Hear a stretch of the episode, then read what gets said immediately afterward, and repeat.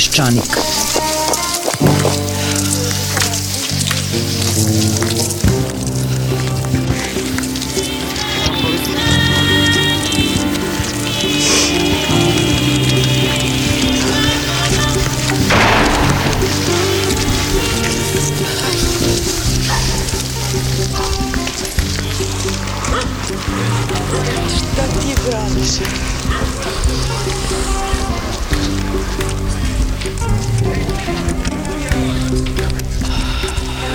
Peščanik.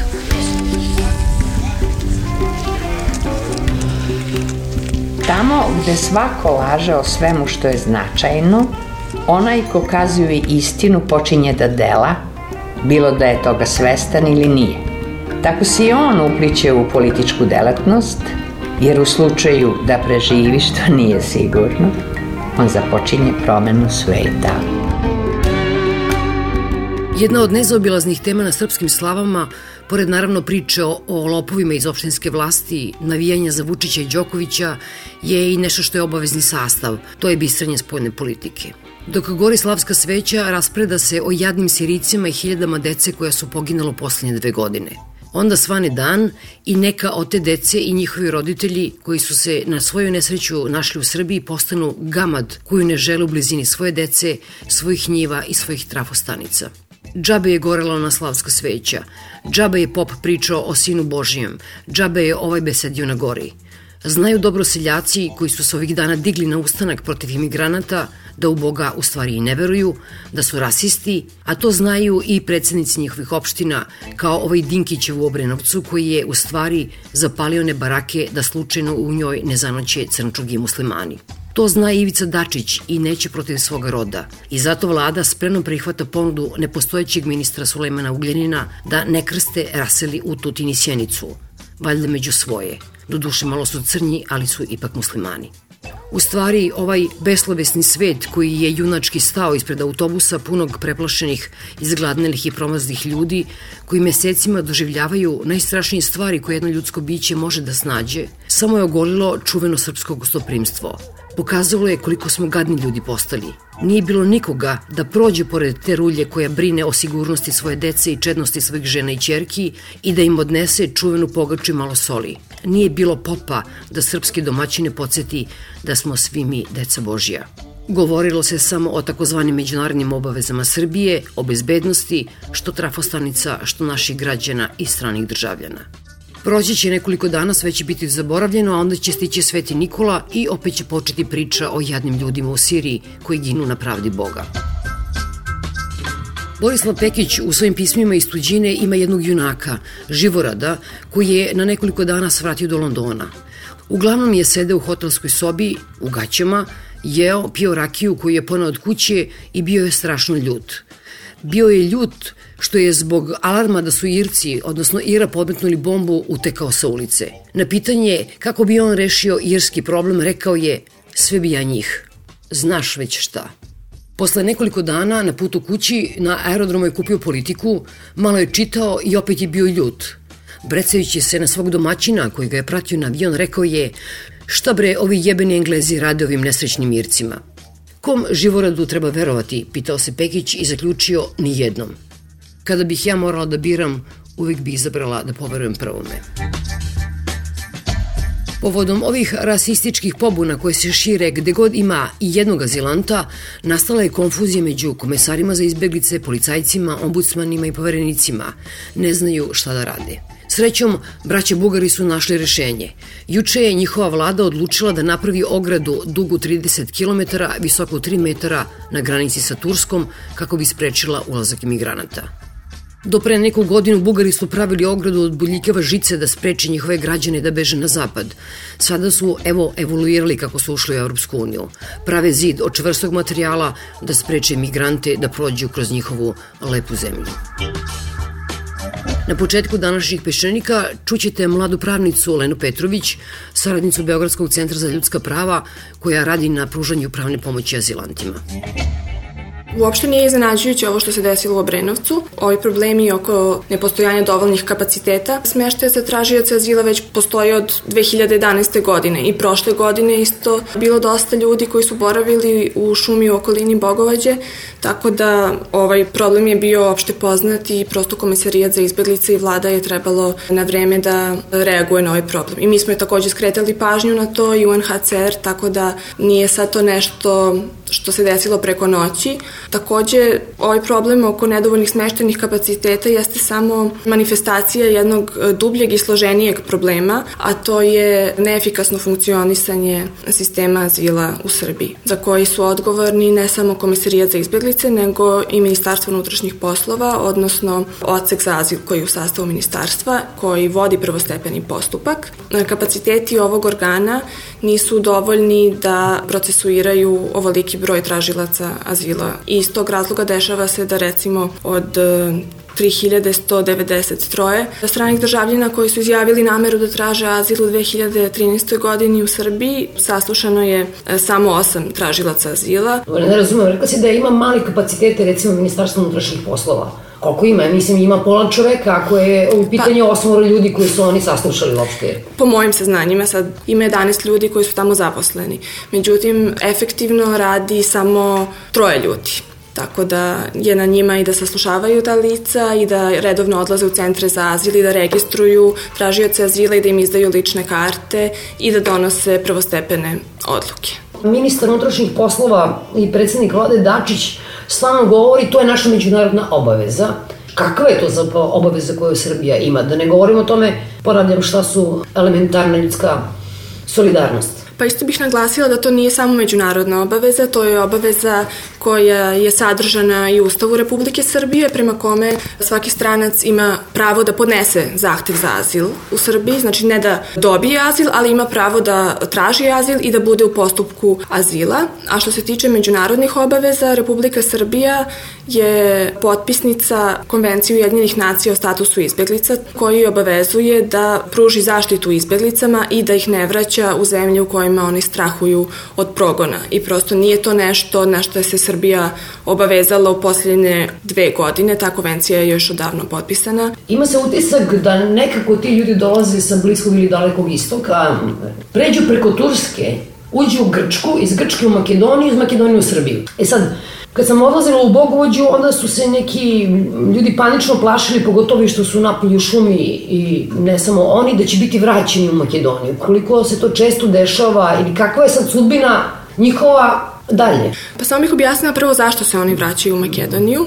To vraćanje je posledica primjene jednog koncepta koji se zove koncept sigurne treće zemlje, koji se bazira na tome da tražilac azila koji je prošao kroz zemlju koja je ratifikovala ove e, međunarodne dokumente koje sam spomenula, treba u toj zemlji da traži azil, a ne u Srbiji. Znači neko ko je bio u Grčkoj treba da se vrati u Grčkoj i da tamo traži azil, neko ko je bio u Makedoniji treba tamo da traži azil, tako da taj sistem na taj način funkcioniše, a on je baziran i na odluci vlade Republike Srbije o proglašenju sigurnih trećih zemalja. Prema toj odluci sve zemlje sa kojima se Srbija graniči su sigurne zemlje, znači praktično samo neko ko je došao avionom ili nekim cepelinom u Srbiju, ovde ima šanse da njegov zahtev za azil ne bude odbačen, tako da se tražioci azila osnovano plaše da će biti vraćanje u Makedoniju, čak su nam i govorili u par navrata da se to i dešava. E sad, to se i dešava iz tog razloga što mnogim tražiocima azila nije ni omogućen pristup postupku zbog ovih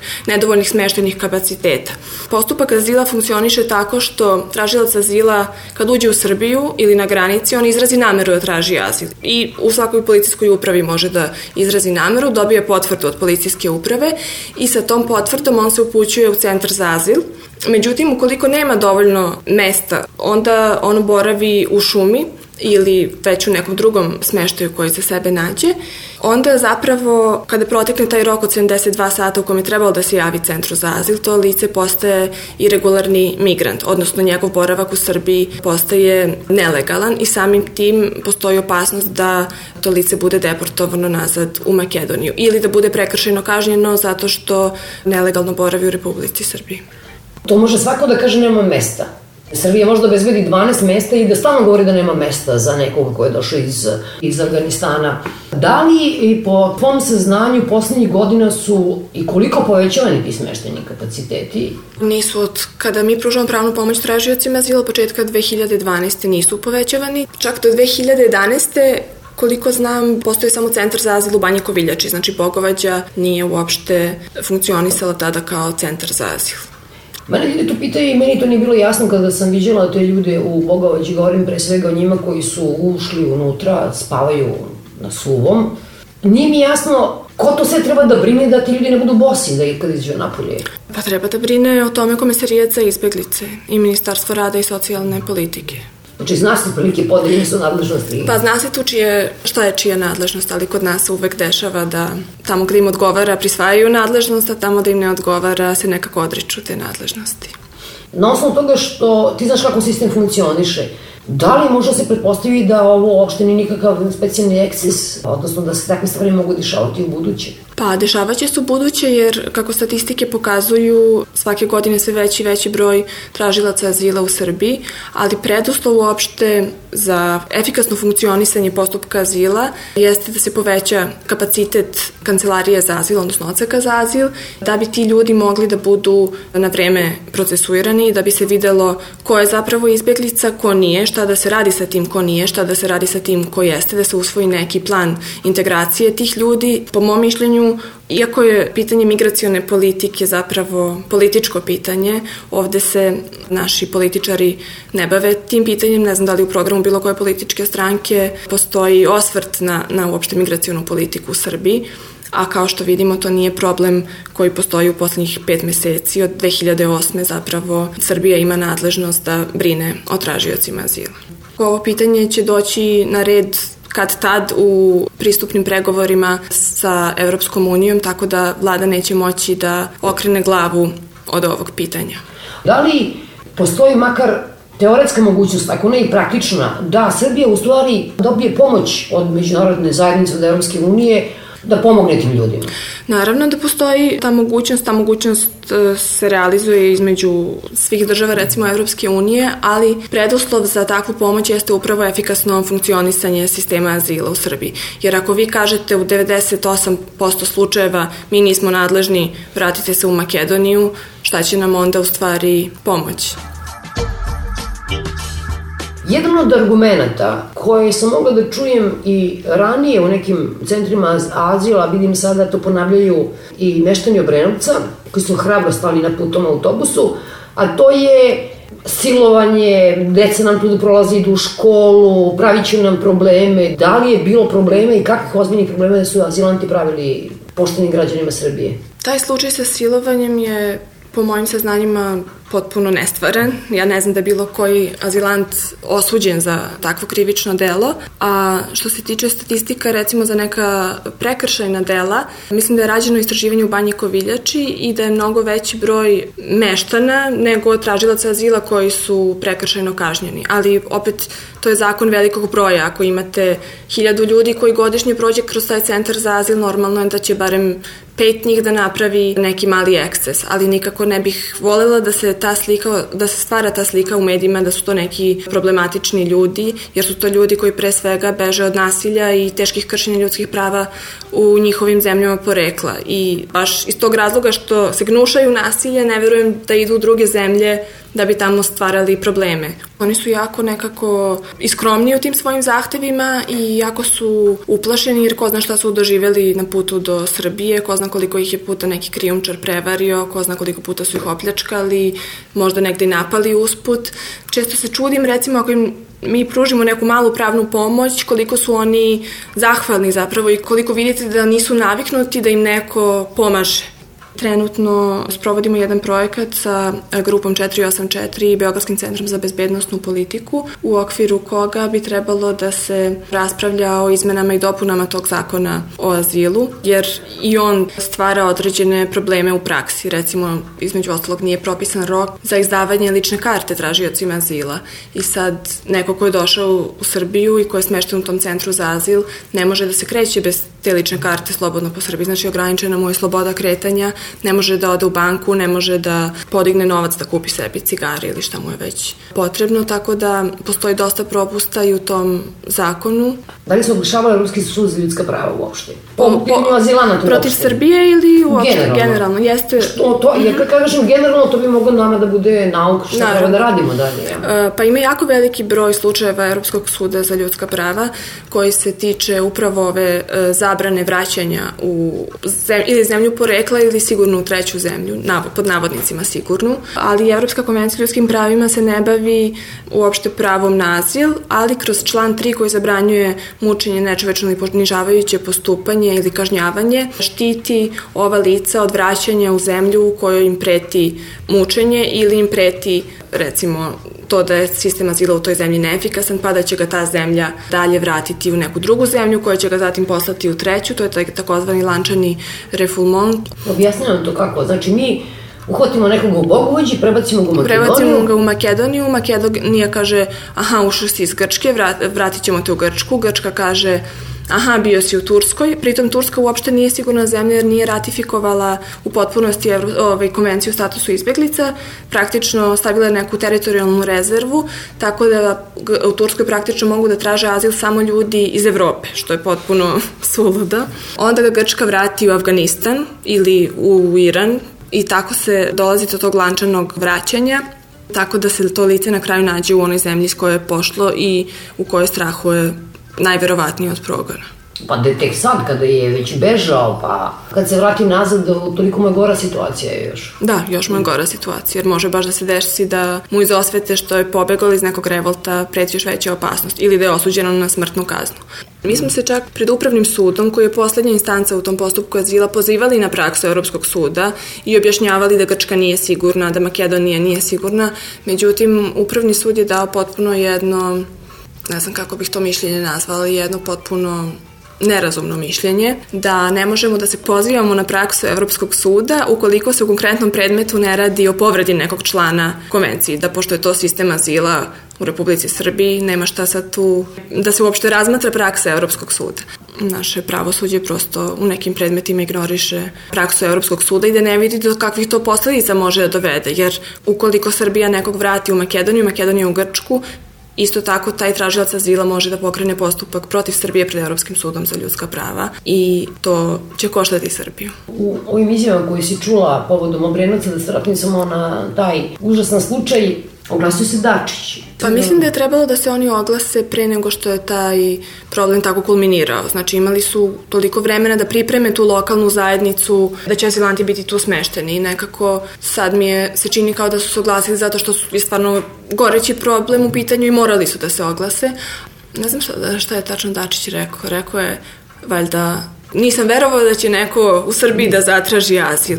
Pa mislim, ljudi traže azil u Srbiji od kad je ta konvencija o statusu izbeglica ratifikovana, samo što je tada dugo vremena UNHCR ima mandat da odlučuje o zahtevima za azil, a Republika Srbija o tome odlučuje od 2008. Znači, tražili su ljudi ranije u Srbiji a azil. da bio ministar unutrašnjih poslova morao bi znati. Već. On bi morao znati da, da tako nešto nije došlo preko noći. Vidiš kako različito čitamo, kad sam pročitala tu njegovu izjavu, meni se činilo da je to poruka ne samo Obrenovčanima, nego i ostalima. I ovako će oni da idu, ma neće oni da se zadrža, nećemo im dati da se zadrža ovde, da se nekako pokre tih nekoliko dana Pa da, ne znam opet kako bi Evropska unija reagovala na takvu izjavu. Da kaže ministar, pa neće oni ovde ni da ostanu. Onda nekako se čini kao da, da im puštamo tako da odu u druge zemlje, što opet nije u duhu te podele tereta između zemalja. Znači, jeste da je Nemačka bogata i da ona može da primi godišnje 3000 izbeglica, ali to ne znači da Republika Srbija sa svojim skromnim kapacitetima ne može da primi, ne znam, 10 ili 20, ili bar da odluči u meritumu, kao što sam rekla, što ne radi, pa da kaže, ok, on je izbeglica, on nije, njega ćemo vratiti, njemu ćemo dati zaštitu, a ne da tako odbacuje te zahteve za azil na osnovu toga što kaže mi nismo nadležni. Povodom ovog koncepta sigurne treće zemlje koji funkcioniše u Srbiji, Beogradski centar za ljudska prava je pokrenuo inicijativu u Ustavnom sudu da se oceni ustavnost e, odluke vlade o e, listi sigurnih trećih zemalja i sigurnih zemalja porekla, koje se primenjuju u postupku azila kao osnov za odbacivanje zahteva za azil. E, samo bih napomenula da je recimo i Belorusija sigurna zemlja porekla za našu vladu. Znači, ako je neko osuđen na smrtnu kaznu i dođe ovde da traži azil, praktično njegov zahtev za azil može isto da bude odbačen. I da, mi smo pokrenuli tu inicijativu, međutim, Ustavni sud je u jednoj veoma šturoj odluci rekao da nije nadležan jer to nije opšti pravni akt. Znači, nije opšti pravni akt je akt koji se primenjuje reguliše neograničeni broj slučajeva dok pojedinačni akt se odnosi na konkretan slučaj. A pošto je ovo odluka vlade koja se primenjuje na x slučajeva, koliko smo ovde imali predmeta u postupku azila, potpuno je očigledno da je to opšti pravni akt. Kao da si peru ruke, niko nije nadležan, nemamo pojma. Da, ali onda me to nekako uplašilo, onda znači da vlada može da donese bilo kakvu odluku, da kaže vi sa crnim očima ne treba da se zapošljavate ili ne znam, mislim tako neku odluku koja u stvari koju niko ne može da ispita. Iznenađujuće mi je to i to mi je izazov isto kao pravniku da ovaj postupak funkcioniše tako kako funkcioniše i da se jako mali broj, o jako malom broju zahteva za azil odlučuje u meritumu i da ceo taj sistem zapravo izgleda kao jedna farsa vole da kažu ovi čuveni Srbi, mi smo kuća na sred puta, pa kad si kuća na sred puta, neko prođe kroz tu kuću i sad je pitanje da li ćeš ti njega da izbaciš onda na sneg ili minus 12 stepeni. Znači nije ova situacija koja je sad, pa se nisu snašli jer imaju veće ne, probleme. Ne, to nije situacija koja se nije. O tome govorim, niti i tek će da bude. Ali se opet to isto tako predstavlja u javnosti, kao ju šta je sad ovo, otkud ti ljudi, kao da su sad ti ljudi došli tu u, pre, u prethodnih 10 dana i kao da se nije znalo uopšte za taj problem. I onda naravno da se meštani plaše kada se odjednom pojavi tu nekih tri, neka tri autobusa puna azilanata, oni ni ne znaju ni ko su azilanti, ni šta hoće ovde i to se najbolje videlo iz njihovih izjava. Oni svi imaju neke strahove, ali kad vi malo bolje to analizirate, vi vidite da ti ljudi ne znaju čega se plaše. I recimo, tražioci azila su u Bogovađi bili smešteni pored kasarne I nikad se nije desilo da neko, ne znam šta su oni plašili u Brenovcu da će ta elektrana... Preglizu kablove, ja ne znam šta je. Pričemu su oni zapalili baraku sada, da. kao toga se ne plaše. Da. da. Mislim da je to projekcija u stvari, možda oni projektuju to neprijateljstvo koje oni osjećaju prema tražiocima azila, u stvari prema nečem stranom što ne, zna, što ne znaju šta je, da, da oni to projektuju u njih, a u stvari mislim da je problem, nije čak ni u meštanima problem koliko je problem u tim nadležnim institucijama koje se ne bave podizanjem svesti građana i uopšte širenjem Osjećaj solidarnosti? Osjećaj solidarnosti, da. Jer meštani zaista ne znaju ko su ti ljudi. Mislim, ko su sad ti crnci u autobusu, ne znam. Predsednik države se jedno vreme bavio kovanjem ordenja, onda je prešao na pečenje rakije i izgradnju crkve u svom selu, a onda mic po mic počeo da vodi nezavisnu spojnu politiku zemlje i da piše istorijske referate – Skoro je napisao jedan veoma dugačak, imao je više slova nego što ih je u životu pročitao. Pismeni rad se na prvi pogled odnosi na Prvi svetski rat. Slušate istoričarku Dubravku Stojanović.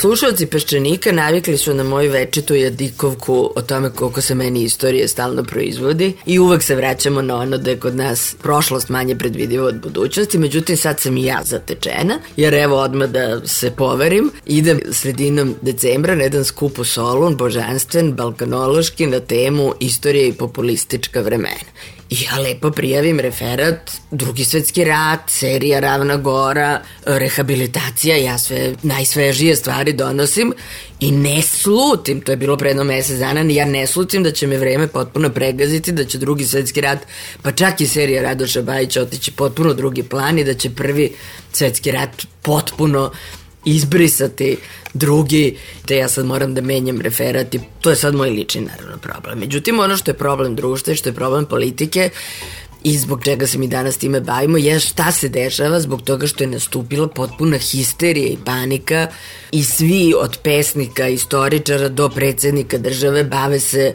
sada revidiranjem Prvog svetskog rata, analizama Prvog svetskog rata, predsednik nam je napisao referat za naučni skup, dakle tu se nešto ozbiljno dešava i mislim da mi to treba da vidimo.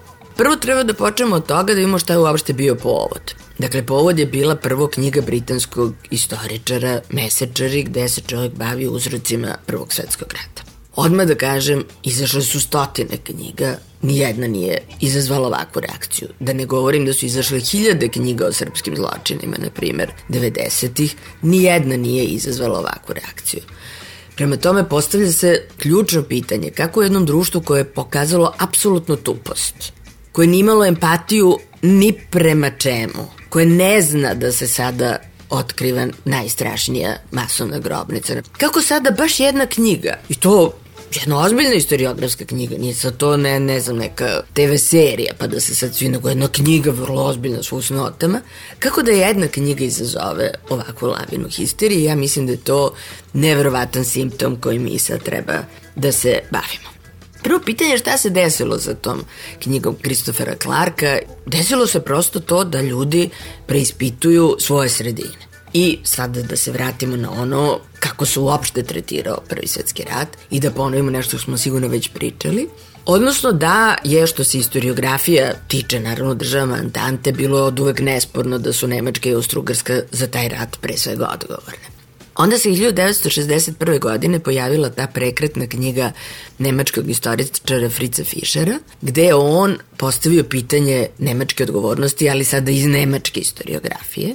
I to je jedna knjiga gotovo nečitljiva, zato što tu dve trećine strane predstavljaju fusnote, jer je čovjek znao šta će mu se desiti kad ta knjiga izađe, tako da tu svaki listić iz arhiva naveo gde je on vrlo precizno dokazao da je Nemačka odluku o početku rata donela već sigurno 1908. možda i nešto ranije, da je već tada bilo jasno da će u leto 1914. Nemačka biti najspremnija za taj rat, da su te pripreme naravno kao i za svaki rat bile vrlo duge, temeljne, a da je politička odluka doneta mnogo ranije. I on je to vrlo detaljno dokazao. Od te knjige, on je posle objavio još nekoliko u kojima se bavio, dolazi do preokreta u Nemačkoj, koji se pogrešno smešta u 68. 68. je bila pripremljena ovim knjigama. Zbog toga što je on srušio celu tu priču, čak i priču denacifikacije, jer i denacifikacija išla za tim da je Hitler iskliznuće iz nemačke istorije. Sad je on postavljanjem pitanja nemačke odgovornosti i ratnog programa Nemačke pokazao da se radi o kontinuitetu. Od ujedinjenja Nemačke 871. do 1945. I to je njegova glavna teza i kod nas je prevedena ta njegova zaključak, ako mogu da kažem, Savez elita koji bi svako trebalo da pročita. Dakle, Fritz Fischer, Savez elita. I on tu pokazuje taj kontinuitet nemačke osvajačke politike. Ta knjiga je pokrenula ono što se zove u nemačkoj historiker štrajt, odnosno rat među istoričarima, koji je u potpunosti promenio nemačko društvo, omogućio 68. da kažem, dao argumente 68. da bi se postavilo pitanje tata gde si ti bio za vreme rata, ali i zaista u nemačkom društvu pokrenuo tu priču o dubinskim razlozima nemačke ekspanzionističke politike i to je bez ikakve dileme danas možemo da kažemo pobednička opcija u nemačkoj historiografiji. Niko osim ekstremne desnice danas ne postavlja više to pitanje. Međutim, naravno da moderne britanska i francuska historiografija ili kanadska ili američka ne mogu biti zadovoljne time da odgovornost bude samo nemačka. To je ono što se ovde za početak uopšte ne razume. Dakle, ovde se mora videti crno-belo, druga strana, to je naša strana, mora biti besprekorno čista, što naravno nije slučaj modernim društvima kojima nauka pre svega ima dužnost da se preispituje, samo preispituje. I naravno da su te historiografije ozbiljne se već decenijama bave odgovornošću svoje strane. E sad drugi problem što to ovde niko nije primetio, što niko te knjige nije pročitao, što ne znaju da je to prosto rešeno u tim historiografijama, odnosno da odgovornost nije samo Nemačka, da odgovornost mora da se vidi na strani država Antante, da odgovornost leži u sistemu imperializma i podele sveta, da je Nemačka samo na to zakasnila i tražila novu podelu i svoje mesto, ali da Britaniji i Francuskoj napamet nije palo da na bilo koji način dele taj kolač. Francuskoj historiografiji je potpuno jasno i bez ikakvog spora da je Francuska od 1871. od gubitka Alzasa i Lorene se sprema za rat sa Nemačkom. Tu nema nikakve dileme. Nema dileme da je nekoliko planova za taj rat postojalo i da je konačno usvojen isti plan kako su imali Nemci, plan da će za šest nedelja neprijatelj biti savladan, a s nemačke strane ideja da će se kafa biti u Parizu, a s francuske ideje da će to pak biti u Berlinu. Prema tome nikakve dileme nema da se obe sile spremaju za taj svoj međusobni lokalni rat, kao što iz druge strane postoji ova globalna perspektiva imperializma gde svako traži svoje mesto. Prema tome, ovo što se sada desilo sa ovom knjigom, pre svega nije nikakav eksces. To je nešto što je u dubokoj tradiciji savremenih historiografija koje su pre svega kritične prema samima sebi. I to je veoma ozbiljan pokazatelj da naši istoričari razumeju svoju struku isključivo kao sluškinju države, Zbog toga što oni vide da tebi samo neko treba da naredi i ti onda pišeš. I oni verovatno misle da je Kristoferu Clarku neko nešto naredio. I to se vidi iz ovih čestih zahteva da država Srbija treba da reaguje, da naša diplomatija treba notu da napiše, da valjda naš ambasador u Londonu traži zabranu knjige, ja ne znam šta je potrebno da se desi. Što sad opet govori o razumevanju slobode izražavanja, naučne slobode, pa sad možemo i bolje da razumemo zašto su se kod nas zabranjivale knjige i da to nije uvek stvar nečije političke komesarske odluke, već da to baš ide iz tih struka i baš iz tih najužih krugova u stvari krenu zahtevi da se knjiga zabrani kao što nam i mnogi slučajevi pokazuju. E sad se postavlja ovo pitanje koje je ovde izazvalo toliko reakciju, to pitanje uloge Srbije u svemu tome. Odnosno mi sad treba da se suočimo s tim da od Berlinskog kongresa 1878. Dakle, od trenutka kada je Bosna i Hercegovina stavljena pod kontrolu Austrougarske, ovde nastupa apsolutna histerija. Dakle, od tog trenutka počinje da kažem, mentalna, psihološka, ideološka, politička, vojna priprema za taj takozvani konačni obračun. I tu nema nikakve dileme, kogod pogleda najobičniju štampu vidjet će koliko je neprekidno bilo tog leleka za Bosnom koja je naša, koja nam je oduzeta, koja je nepravedno poklonjena i tako dalje. Novi okidač je aneksija Bosne i Hercegovine 1908. koju sam ja pažljivo proučavala kroz štampu i sve što je napisano tada.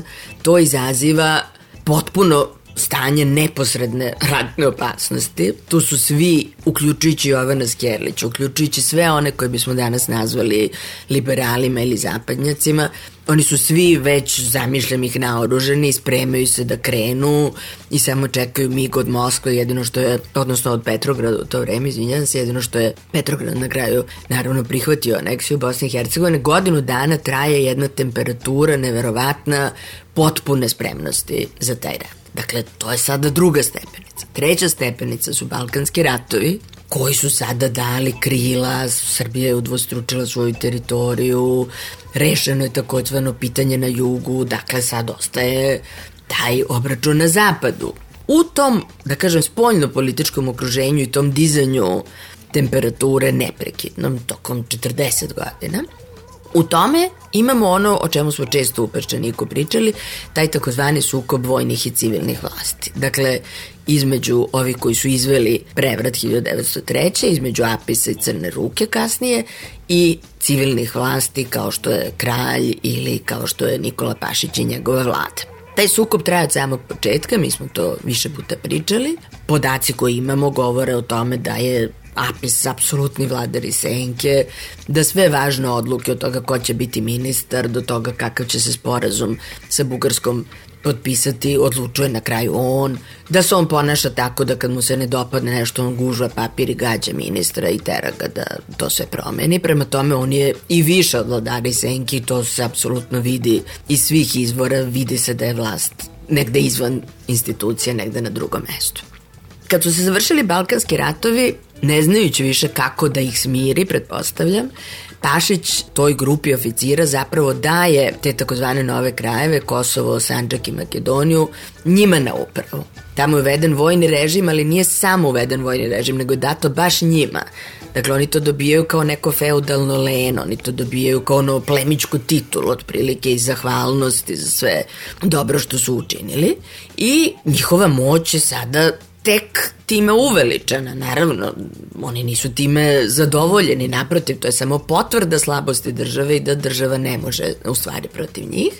Oni 1911. prave tajno udruženje za koje podsjećam, obično se govori crna ruka, ali ja podsjećam da se to zvalo ujedinjenje ili smrt i podsjećam da su se njihove novine zvale Piemont, dakle onaj deo Italije koji izvrši ujedinjenje, prema tome nema nikakvog spora šta je njihov politički program. Njihov politički program je takozvano ujedinjenje srpskog naroda, pa sad još ako tu neko upadne, upadne, ali tu nema nikakve dileme. Oni od početka 1914. godine ulaze u otvoreni sukob sa takozvanim civilnim vlastima Vrlo je neizvesno u tom sukobu ko bi odneo pobedu. Rezultat tog sukoba je povlačenje kralja Petra u junu 1914. godine i prepuštanje vlasti onome koga zovemo regent Aleksandar, ali to se dešava zbog toga, ne zbog slabog zdravlja, kao što se obično kaže. Zbog toga se raspisuju izbori za leto 1914. I to je jedan sukob zapravo biti ili ne biti. To je jedan sukob definitivan ko će pobediti. U tom sukobu dolazi do Sarajevskog atentata. Znači mi ne smemo taj atentat da gledamo izvan tih unutrašnjih sukoba i sasvim je sigurno da je deo politički deo atentata upućen protiv civilnih vlasti, protiv Pašićeve vlade i protiv u krajnjoj liniji kralja Petra, sad ne znamo ulogu Aleksandra u svemu tome. Prema tome tu nema nikakvog spora oko toga. Šta su oni hteli time da postavljamo, mi to ne možemo znati. Da li su oni očekivali lokalni rat, da li su uopšte očekivali rat. Ne verujem da su očekivali svetski, oni nisu znali za ove nemačke planove. Ali ono što je sigurno to je da to vladi nije odgovaralo, da je Pašić upravo bio u predizbornoj kampanji u Nišu kad mu je stigla ta vest i svi izvrštaji govore da je bio potpuno konsterniran i svestan. Atentat Šta to znači? Atentat u Sarajevo, kad je stižla ta vest, on je u kampanji, drži čovjek mitinge, dakle ne sluti ništa i to je sasvim sigurno da zvaničana srpska civilna vlast nema nikakvog interesa u tome, ali ovi imaju. I kažem, to je pitanje života i smrti koje se na kraju rešilo zaista montiranim procesom u Solunu i streljanjem Apisa i njegovih najbližih. Prema tome završilo se pobedom civilnih vlasti, ali u tom trenutku je to bilo neizvesno i taj atentat se mora tako gledati jer je ujedinjenje ili smrt pripremao atentatore koji su bili u Srbiji, sigurno dve godine su bili tu, prebacio ih je u Bosnu, naoružao ih i organizovao sve. Prema tome tu nema nikakvog spora odgovornosti. I po mom mišljenju, daleko bi bilo bolje se naši istoričari bave tim pitanjem, odnosno zašto država nikad nema snage, zašto su ti takozvani nekontrolisani elementi od apisa do današnjih huligana uvek jači od te države. Dakle, o čemu se tu radi? To je za mene presudno pitanje. Ja ne kažem da je Srbija odgovorna za prvi svetski rat, ama posla, mislim, tu su potpuno jasni interesi velikih sila i ona se samo tu, po mom mišljenju, pogrešno namestila po svom običaju ponovo. Ali ova dimenzija je za mene kao neko ko ovde živi presudna da se time bavi. To je, dakle, priča što se tiče odgovornosti ukratko velikih sila, što se tiče pitanja uloge Srbije u svemu tome. Ali sad to još uvek je vrlo daleko od odgovora zašto sad mi imamo ovu histeriju u Srbiji. Odmah da kažem, na to ću posle još da se vratim, da prvi svetski rat ima ogroman takozvani identitetski potencijal. On je prosto idealan događaj da preko njega šaljemo razne protofašističke poruke koje je potrebno slati u određenom trenutku i vratit ću se na to. Ali sad mislim da moramo da se vratimo na istoriju socijalističke Jugoslavije i na upotrebe Prvog svetskog rata i na ulogu koju je priča o Prvom svetskom ratu imala.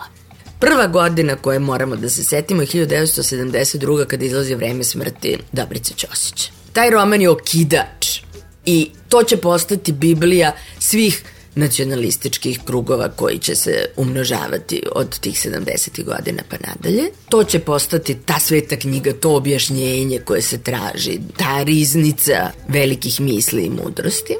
Ali će biti potrebno 10 godina a bit će potrebno i da Tito umre, da bi se desio sledeći događaj, to je 1983. Mislim, ja sam sama bila iznenađena kad sam sad spremajući ovo našla taj datum, kada Jugoslovensko dramsko postavlja Kolubarsku bitku. Ja sam mislila da je to mnogo kasnije. Ne, to je 83. godina.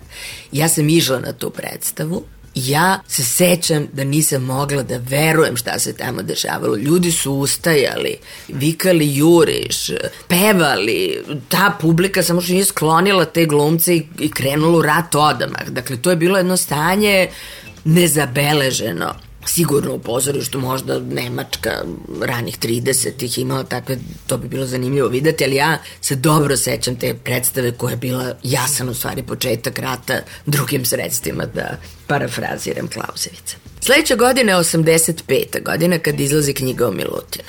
Milutin je srpski seljak, da podsjetimo, i njegova ključna žrtva je žrtva u Prvom svetskom ratu. Taj roman opisuje njegove razna nedaće i drugi svetski rat i tako dalje, ali zapravo je presudno ono što se dešava s njim u Prvom svetskom ratu, gde se pokazuje da je on pod jedan neshvaćen, on je naravno ta Srbija, pokazuje se da on normalno neshvaćen, da je on žrtvovan, da je žrtvovan za pogrešni cilj Jugoslaviju, zloupotrebljen do maksimuma, siromašan i jadan i dalje, i dalje neshvaćen. Dakle, knjiga o mogli bismo da kažemo, jedan kratki kurs vremena smrti. Dakle, vreme smrti, ko će se to da čita, to je stvarno preogromno i predosadno. Dakle, knjiga o Milutinu idealna. 100 strana, koliko ono bilo, jedno 20 izdanja, 6 miliona, mislim, neke neverovatne cifre do dana današnjeg. Ali to je taj ekstra, to je taj digest Dobrice Ćosića, misli biser do bisera. I onda imamo 89. godinu sa Valjevskom bolnicom, ponovo Jugoslovenskom dramskom, dakle to je opet prerada, ali tu je sad već stvar otešla daleko, Milošević je sada već na vlasti. Ja lično ne verujem u spontanitet tih umetničkih dela. Ja sam sklona, jako ne verujem inače u teoriju zavera, ali ja sam sklona da mislim da su ta dela, pogotovo njihova kondenzacija od polovine 80. godina, bili deo pripreme tih ratova, da je to takozvana ideološka pozadina tih ratova i da je u tome bilo i nekog sistema, što bi se reklo, da to nije bila samo vapaj umetničkih duša, već da je tu bilo i malo ozbiljnije pozadine. Ono što je sada dokaz za moju tvrdnju jeste činjenica da kad su ratovi počeli, svi su zaborili Prvi svetski rat. Da li ste vi ikada od 91. čuli išta o Prvom svetskom ratu? Ne. On je potpuno zaboravljen od tog trenutka. Prema tome, on je samo bio upotrebljen da bi se napravila ta potrebna psihološka napetost u kojoj možete uopšte da napravite novi rat. Onda je došla promena vlasti 2000. godine. Niko više nije pomenuo Prvi svetski rat Sva koncentracija je bila na drugom svetskom ratu, sva koncentracija je bila na rehabilitaciji Draža Mihajlovića, na promeni ulica, rušenju spomenika, menjanju učbenika, sve ono što smo toliko puta pričali. Dakle, prvog svetskog rata nema poslednje dve decenije. I to je najbolji dokaz da on zapravo nikoga ni ne interesuje i da ovde uopšte ni sada ne govorimo uopšte o Prvom svetskom ratu. E pa sad, kako onda sad mi možemo to uopšte da razumemo šta se dešava? Dobro, naravno mi možemo da kažemo da je to ventil za frustrirano društvo. I bit ćemo u pravu. I bit ćemo u pravu kad kažemo da se svi bolje osjećaju kad zbijaju redove, kada se stave u stado, kad ih predsednik pohvali što su to sve lepo rekli, kad se svi svedu na jednu misao. Dobro, to je takođe važna komponenta, dakle ta autoritarnost gde je svima bolje da misle isto. Sada ću se vratim na ono što sam na početku najavila, odnosno da je Prvi svetski rat idealan prostor za tu manipulaciju. U njemu se dakle nalazi sve ono što je potrebno da bi postalo politički okidač. Imamo realno ogromne srpske žrtve, imamo smrt na sve strane, smrt oni koji su bili u vojsci, smrt civila, tifus, okupaciju, preteču koncentracijonih logora u Maču i tako dalje. Imamo što je vrlo važno pobedu. Neophodno je da ide ta kombinacija i žrtva i pobeda, to mora da ide zajedno. Imamo tu takozvanu neshvaćenost, dakle sad se vraćam na Milutina, dakle niko tu žrtvu nije dovoljno shvatio, a cilj je opet bio pogrešan, to jest Jugoslavija. Imamo tu ideju da mi uvek sve radimo za druge, Dakle, to piše i u učbeniku. Piše da je Srbija ponovo, po ko zna koji put, opet ove sa pogrešne strane istorije vratila na pravu i pružila ruku Hrvatima koji će uvek biti na pogrešnoj strani i tako dalje. Imamo tu ideju da ovde počinju svi svetski ratovi, da se oni ovde završavaju. Dakle, čitav niz tih presudnih mitskih momenta u svesti našli su se baš oko Prvog svetskog rata i zato je on užasno zgodan za upotrebu. Međutim, recimo, ako govorimo o tim žrtvama, odnos prema tim žrtvama, prema tim stvarnim ljudima, pokazuje da ni oni uopšte nisu važni. I dakle, oni pre svega nikad nisu pobrojani. I niko neće da oni ikada budu pobrojani. Idealno je da se doda još jedno 500.000 ako je moguće. U učbeniku piše milion i po, ono što je realna procena istoričara je 700.000. Dakle, uvek govorimo o tome, ali niko, pa ni danas, ne pokreće pitanje eventualnog stvarnog utvrđivanja tih žrtava. Prema tome, taj odnos prema žrtvama, prema realnim ljudima pokazuje da uopšte nisu u pitanju žrtve. Dakle, opet je u pitanju nešto drugo i mi sada tražimo šta bi to bilo.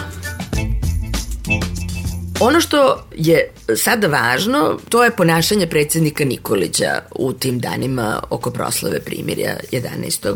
novembra. On je tada, da tako kažem, resahranio Milunku Savić i on je tada napisao jedan istorijski referat za politiku na više strane. Ono što je jasno iz njegovog govora, prvo, to je da se tu uopšte ne radi o 1914. kao što smo evo do sada već slutili, nego se naravno radi o 1991. za početak.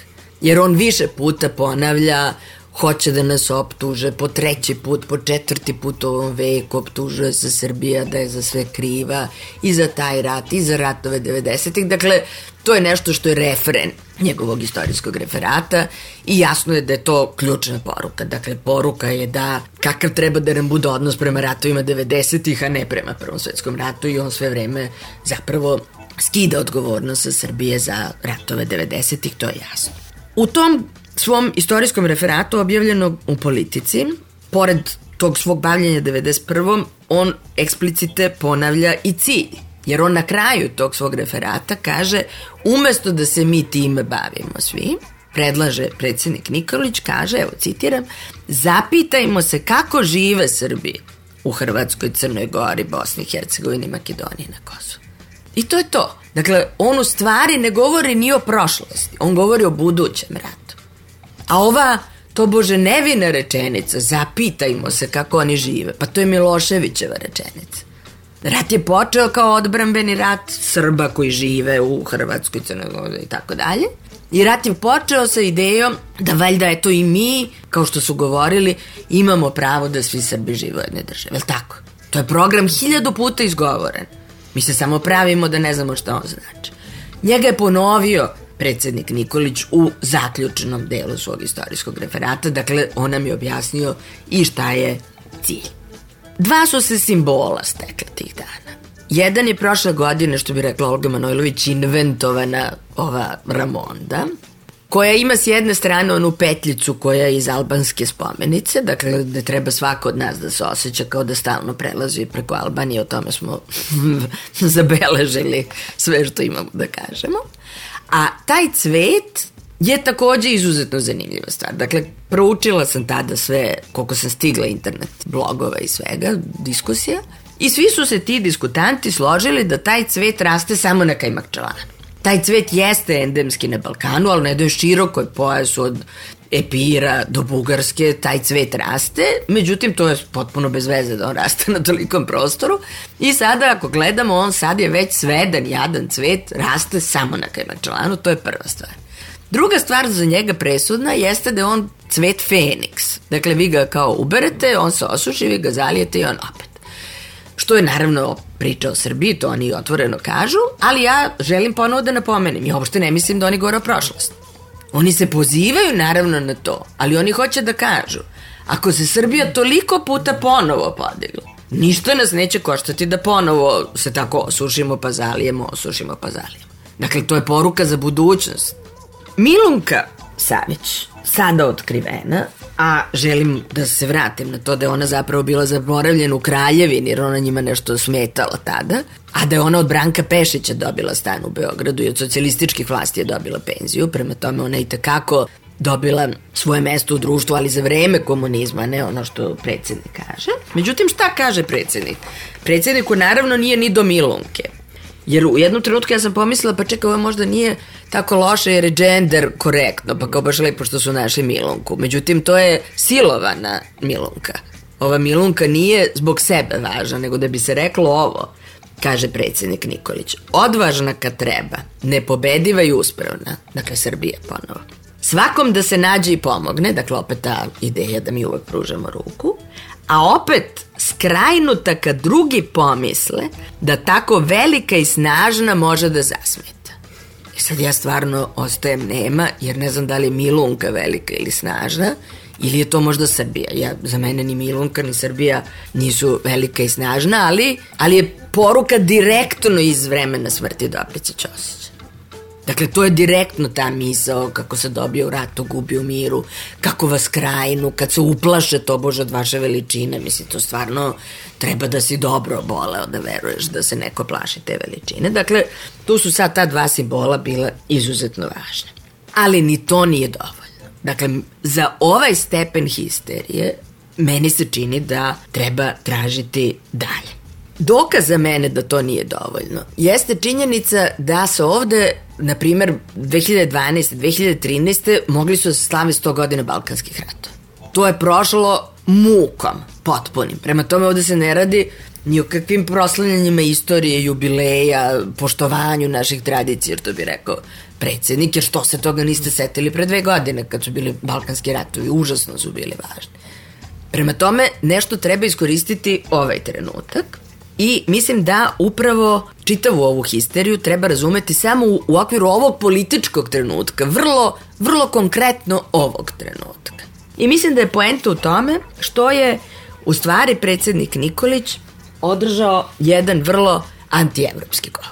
I on daje jednu krajnje stereotipnu sliku o ciničnom zapadu, koji je spreman na sve pa istinu da pogazi, koji sve to radi zbog svojih interesa ili kao što kaže predsednik nekoliko srebrnjaka, srebrnjaka, mislim, s kog je to vremena, da Evropa zbog svog jedinstva revidira, znači da ona, to je opet ta ideja da Brisel naredi nekim istoričarima da oni napišu neku istoriju i tako dalje. Prema tome, mislim da ovo, cela ova histerija mora da se razume u okviru podela između Nikolića i Vučića, da jeste možda u dužnosti predsednika da stavlja vence na spomenike, ali da nije u njegovoj dužnosti da drži ovakvu vrstu govora i da je ovo na simboličkom planu ono o čemu je Vesna Pešić pričala, odnosno nova uloga predsednika koji sada izlazi iz ustavom zadate svoje uloge koje se lepo za svaku pohvalu držao prethodnih godinu i po dana, ali da je ova sada vrsta govora nešto što je direktan zapravo njegov ili njegove okoline stav prema evropskim integracijama Srbije. Ja to ne mogu drugčije da razumem. Zbog toga što zemlja koja kreće u evropske integracije i čeka da li će danas ili sutra da dobije ono na potpisivanje, ta zemlja treba da iskoristi prvi svetski rat i da kaže mi smo saveznici Mi smo dobili prvu bitku, bitku na Ceru. Mi smo dobili Kolubarsku bitku i zajedno smo bili na Solonskom frontu. Dakle, ovo je neverovatna priča za korišćenje u smislu evropskih integracija ako je to interes ove zemlje. Ovakvi istupi predsednika govore da to nije interes ove zemlje.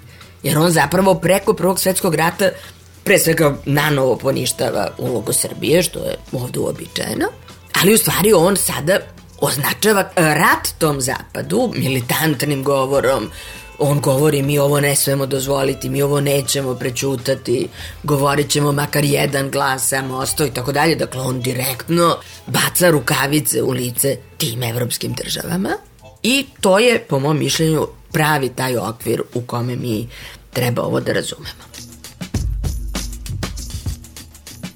Ono što je takođe tu uvek naša tema, to je zašto su se sad svi tako primili. Jedna stvar je to što vole da dele jednu miso i to im je kod da dele jednu vatru, tako lepše se osjećaju u toj pećini. Ali tu je i taj stalni protofašizam koji vi za čas možete da izazovete i želim da uputim naše slušalce na jednu izvanrednu i neobičnu kritiku pozorišnu koja se pojavila u politici za vikend kritiku iz pera Ane Tasić, koja je pisala o nečemu što ja nisam ni primetila, to je da se srpska trilogija sada postavila ponovo u Narodnom pozorištu, da je bila predpremijera i da je ta predpremijera, ona to nije, čini mi se, rekla, ali možda jeste, u stvari potpuno identično što se desilo predstavi Kolubarska bitka. Ljudi su ustajali, pevali su tamo daleko, cela sala, cela publika je stajala u stavu mirno kao da je to himna potpuno je bila euforija i glumaca i publike. Dakle, ponovilo se sve ono što se desilo 83. godine. Dakle, vi idete na jedno dizanje emocija, koje nikada nije slučajno i zato sam tada rekla da ne verujem u spontanitet tadašnjih umetničkih ambicija, predstava i romana. I ne verujem ni sada, jer kako baš taj užasni, bezvredni kič srpska trilogija da se sada nađe i uklopi u celu stvar. Ima toliko dobrih stvari koje bi se moglo o tome. Stavite Brehta, ne govori protiv rata. Mislim, ali ne. nego se upravo peva tamo daleko i ponovo se to gradi. Tako da ono, zašto je to masovna histerija? Zato što mislim da je ovo u stvari bio ventil ne samo sad za onu opštu frustraciju o kojoj mi govorimo, nego za tu frustraciju Evropa. Mislim da su oni sad, svi ti koji su se uključili, ta opšta ponovo podignuta temperatura, su se osetili olakšani da napadajući pobogu britanskog istoričara, u stvari napadaju Evropu. Da je ta knjiga mesečari, možeš misliti, jedna knjiga s fusnotama, ozbiljna, šta sad ima Ljuba Simović da se obračunava s britanskim istorijom, na šta to liči uopšte, ali da je to zato što je on sad postao zapravo simbol te Evrope i da je ovo u stvari taj pravi odušak tog odnosa. To stvaranje tog osjećaja da smo mi ugroženi, da ima negde neka neverovatna laž protiv nas, koja nikakve veze naravno s nama nema i da mi sad protiv toga vrlo strasno treba svi da se uključimo u tu borbu, dakle ja to tako razumem. U uže političkom smislu kao novu politiku Tomislava Nikolića i ugrožavanja evropskog puta Srbije oličenog u Aleksandru Vučiću, a u kolektivnom smislu kao zapravo pravi izraz odnosa prema Evropi na isti način kao što su dvojezične table u Vukovaru, samo naravno simptom za jedan u stvari rasizam koji postoji prema Srbima u hrvatskom društvu. Dakle, to su ta pomeranja, to se ti kao lupaš tablo, u stvari ti genocidiraš ili isteruješ Srbe i radiš njima šta hoćeš, a ti ovde vešaš britanskog istoričara na opačke, Zato što ti u stvari sada na taj način možeš da iskažeš svoj kompleks niže vrednosti, svoj strah, svoje nesnalaženje u toj Evropi, svoje nerazumevanje, svoju anksioznost i paniku da ti u stvari tamo nećeš snaći. I ja mislim da je to u stvari taj najdublji korak i najdublji sloj i da mi treba da tako čitamo ovo stanje nastalo oko Prvog svetskog rata. Da, još je zgodno. Ko će onda da pominje Tomašicu i hiljade ljudi? Koji no, mislim i uopšte hiljadu drugih stvari, mislim Možda posluži za svašta. Srbija gas, mislim, možda posluži za svašta. Ali to, ja mislim, ne mogu drugčije da razumemo. Otkud sad, pazi, to je referat na 20 strana neko mu je napisao. I to neko ko to dobro zna, jer govori o Fischeru, to je neko ko zna to napisao, nije to čak ni Oliver Antić.